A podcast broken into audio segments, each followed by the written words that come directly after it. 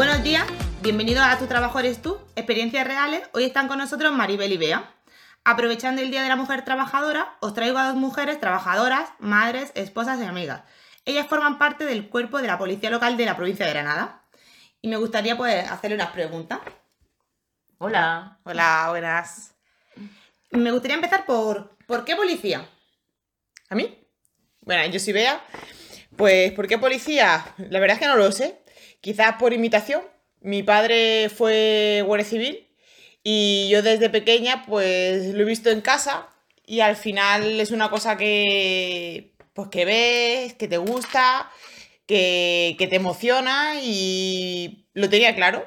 No, no había nada que me gustase más laboralmente y cuando terminé el bachillerato y la selectividad me puse a opositar directamente. O sea, no, no hubo otra alternativa a la que fijarse o no, no había nada más que me gustase.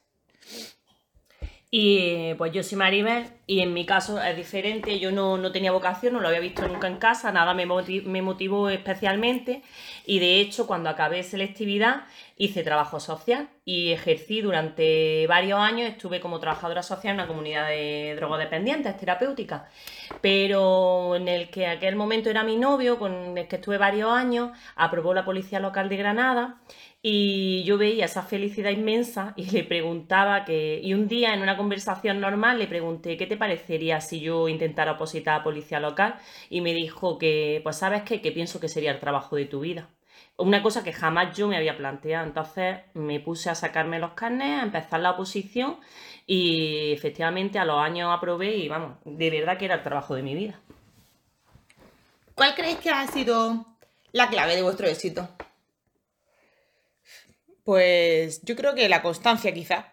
El tener un objetivo y, no desviarte en el camino. Sabía que quería conseguirlo y que te- no podía parar. Eh, entras en un mundo de oposiciones y sabes que si no eres el mejor, pues no te comes un rosco. Así que mm, tienes que, que seguir, que seguir. Yo en este caso creo que tardé unos tres años y medio, cuatro en conseguir la plaza. Y, y nada, vas saltando obstáculos, vas viendo cómo funciona el mundo de oposiciones y, y hasta el final, sin parar. O sea, constancia, constancia y esfuerzo. Sí, yo también pienso que eso es que yo creo que en una oposición, sea de la rama que sea, la constancia es la clave del éxito. Y sobre todo mantenerte muy firme porque hay mil cosas que te, que te van a intentar echar fuera de una posición. Porque es duro, la competencia es brutal y, y sobre todo pues según las circunstancias personales que tú tengas. En mi caso yo tenía que trabajar, vivía sola y nunca pensé en abandonar, nunca. Pero, pero es cierto que me tambaleé en muchas ocasiones porque me tenía que mantener y seguir viviendo y era muy complicado. Y eso que yo no tenía en aquellos momentos ni hijos ni nada, pero es verdad que es muy difícil. Pero la clave del éxito total es la constancia y no desviarte de- del objetivo que te has marcado, que es aprobar. Y todo el tiempo que mm, estás dedicando a ello, si al final lo dejas, es tiempo perdido y eso no te lo podías permitir. Entonces, hasta que no consigue el objetivo, el, el tiempo que has invertido no ha servido de nada si no lo consigue. Entonces, eso lo tenía claro y seguí luchando hasta que lo conseguí, que también fueron tres años. ¿Cuál creéis que ha sido vuestra mayor dificultad dentro de la oposición? Yo quizá dentro de la oposición mi mayor dificultad la juventud. Yo era muy joven. Mm, Yo empecé a opositar con 18 años recién cumplidos. Y es cierto que con 18 años, aunque yo tenía el objetivo muy claro, lo que me gustaba muy claro, pero era muy joven. Entonces a mí me tiraban también otras cosas. Me tiraban mucho irme de fiesta con mis amigos, me tiraban mucho las amistades, por las relaciones que pudieses tener en ese momento. Entonces es cierto que estás ahí en un, un poco como... mm, que quieres tener dinero, no lo tienes, eh, aunque yo en este caso a mí mi, mi familia sí me respaldaba, pero también trabajé, porque, pero también es por el tema, mm, pues de la juventud, ese, ese caos que tienes con esas edades, que yo en este caso lo, tuve muy claro, es cierto, es, es un punto a mi favor, pero también luchas contra otras cosas que quieres hacer con esa edad. Entonces creo que quizá en, ese, en mi camino de oposiciones, mm, mi única quizá parte más débil creo que puede estar relacionado con eso, con, con la juventud.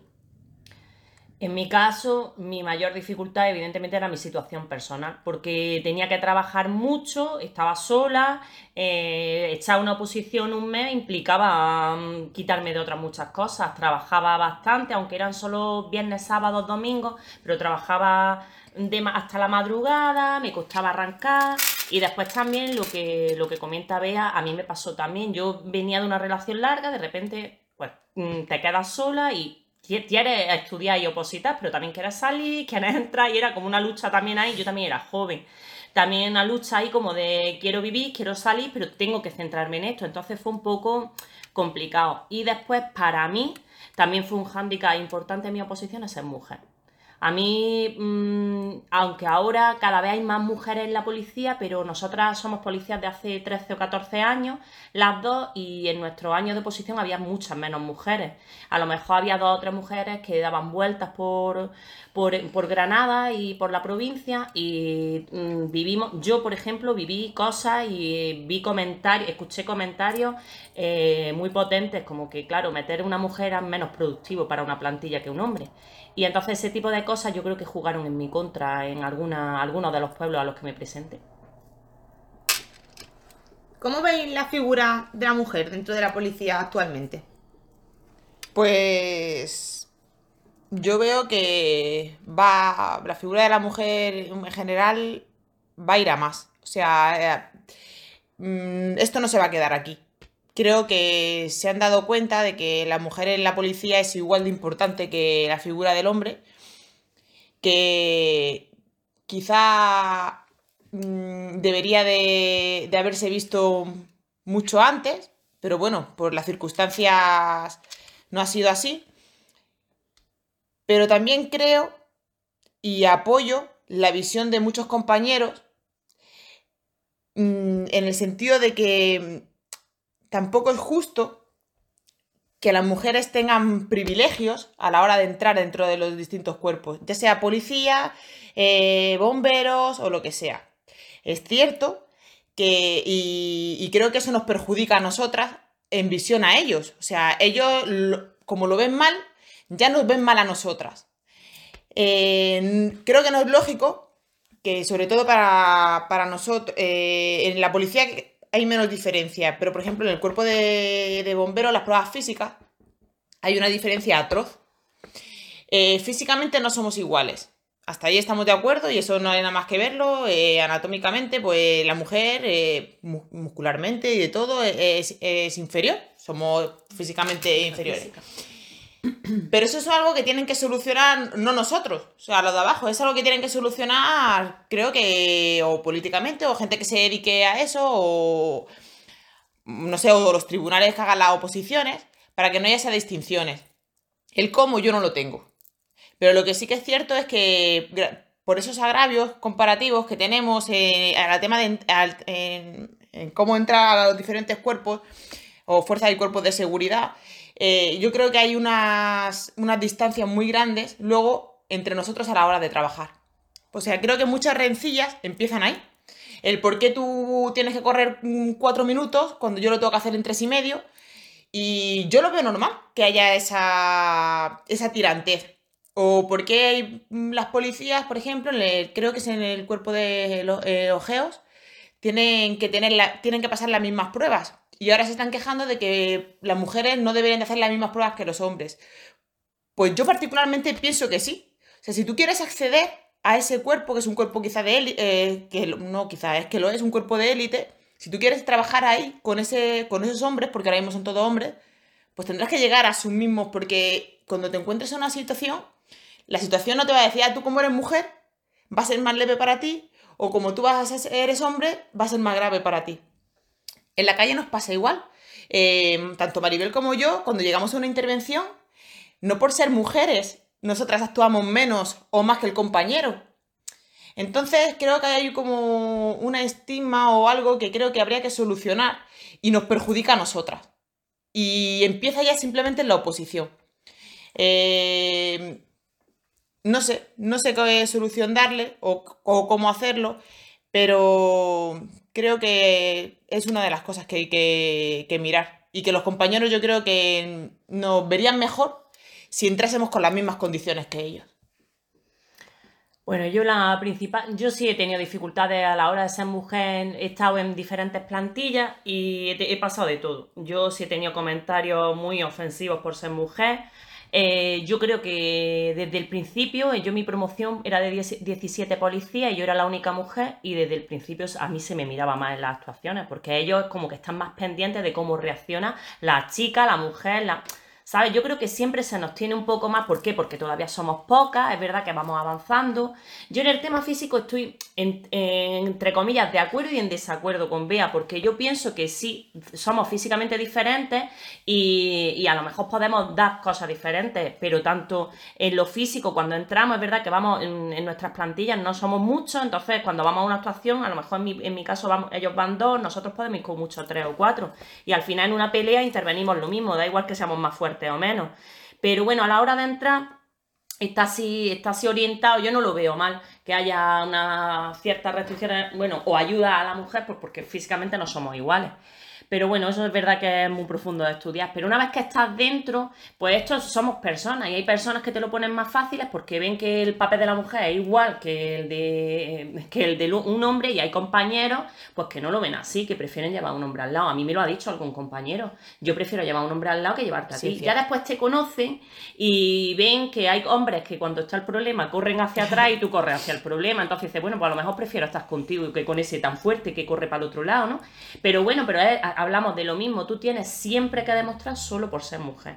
Tienes que demostrar que eres valiente, tienes que demostrar que no corres para el otro lado, tienes que demostrar que vas a las actuaciones hasta a su lado y ellos, por el simplemente hecho de ser hombre y fuerte, entre comillas, pues no tienen que demostrarlo. Se, se les presupone que ellos van a ir, van a actuar y van a ser súper valientes.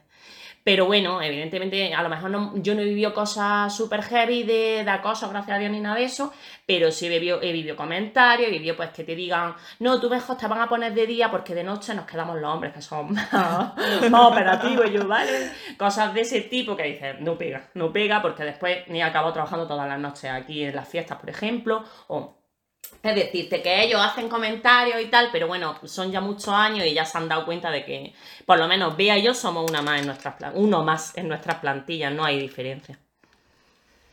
¿Qué persona me podréis decir que es la que más os inspiró en, vuestro trayecto? No, yo lo tengo fácil, en este caso fue mi padre, porque fue en quien, me fijé. Su, su, trabajo no tiene nada que ver con el mío, dentro de lo que son las fuerzas de cuerpo de seguridad, pero fue, fue él. yo soy lo que soy quizá porque yo lo vi en casa. Entonces, yo creo que no. Él. No me ha inspirado. Yo en mi caso, como ya os he contado, también a mí quien me inspiró, quien me acercó a la figura del policía local fue mi, mi primera pareja, mi primer novio pero evidentemente, bueno, no ha sido un referente como tal.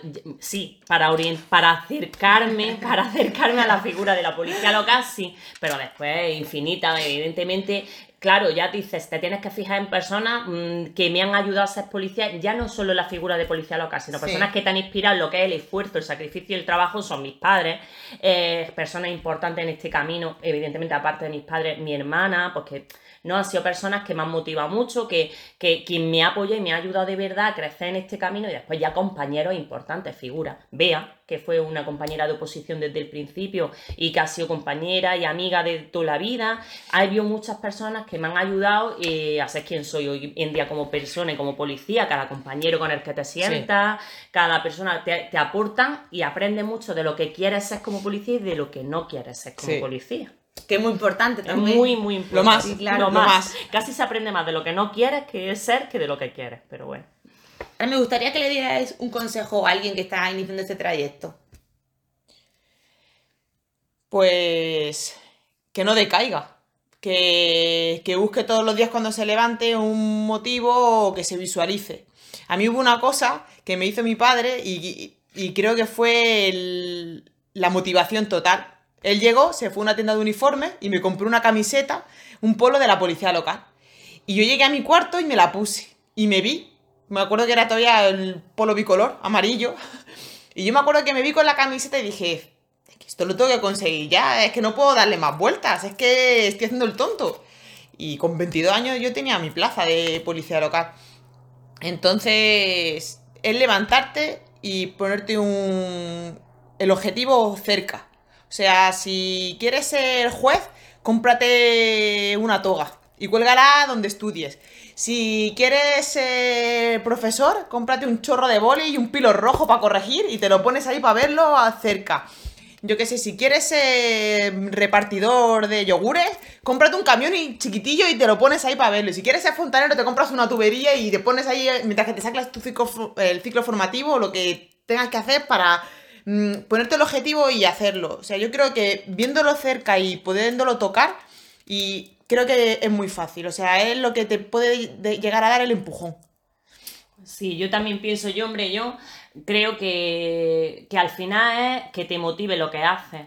Mm, es muy difícil porque yo cuando empecé a opositar a la policía no sabía que me iba a gustar tanto. Iba motivada quizá un poco por, un puesto de trabajo fijo, pues porque era un trabajo dinámico, iba a ser funcionaria, pero hoy en día cuando yo pienso en el trabajazo que tenemos, que para mí es el mejor trabajo del mundo, si alguien nos escucha que quiere ser policía local, por Dios lucha, porque es el mejor trabajo del mundo. No lo dejéis porque es que te da una calidad de vida inmensa, porque ir todos los días a trabajar algo que te, gusta, que te guste merece la pena 3, 4, 5, 6 años de oposiciones y lo que haga falta. Hay como al que quiere ser maestro, como son, es muy duro el camino, pero es que una vida laboral es muy larga. Una vida laboral puede tener 30 o 35 años y es vivir trabajando de lo que te gusta, compensa 3, 4 años de oposición, de estudio, de lo que sea. Entonces yo, vamos, creo que no hay motivación más fuerte que trabajar lo que te gusta una vida laboral, que es tan larga. Además, la satisfacción del día que apruebas, ¿te acuerdas? La felicidad más O sea, el, el, día, yo recordaré siempre aquel día del 29 de septiembre, San Miguel, me acordaré siempre, bajando las pistas de, donde entrenábamos todos los días, tío. Todos los lunes, los miércoles, los viernes. el mejor sitio para que te dieran la noticia, además, me acuerdo que yo ya me iba a la Policía Nacional me iba a la Policía Nacional a hacer las físicas porque viendo que ya no aprobaba en la policía local, ese día me acuerdo que Francis nos, nos cronometraba el mil. Y yo iba ya, como hacía, me hacía caquita, como nos decía. y, y me suena el teléfono que lo llevaba en la mano, pues justo antes de meterlo en la mochila.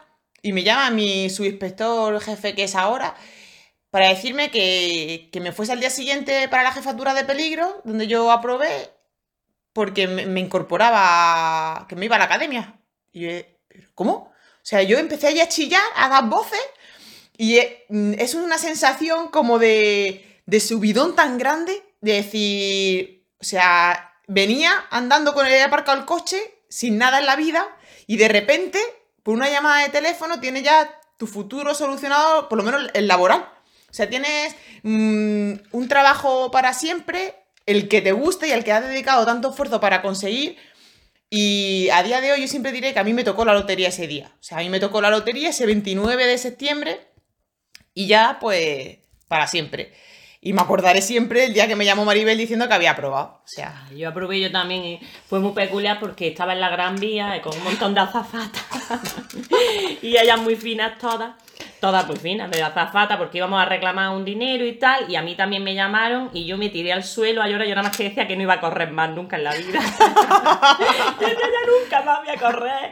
Y, toda y la azafata, que la gente se acercó pensando que me estaba dando algo allí, y ella muy fiel, no, tranquilo, eso es buena noticia. y, yo allí tiré haciendo la croqueta en el suelo.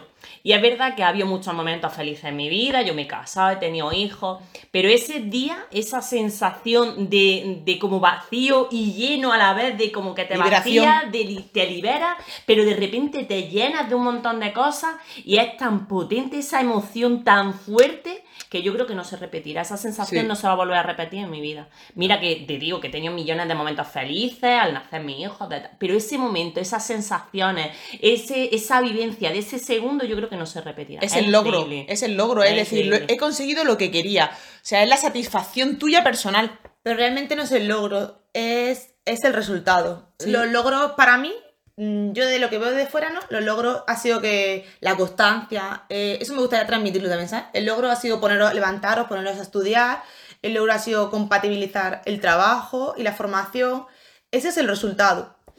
Entonces, eso para mí siempre está bien como puntualizarlo, porque aunque haya una persona que no consiga ese éxtasis del que habláis, también hace pequeños logros.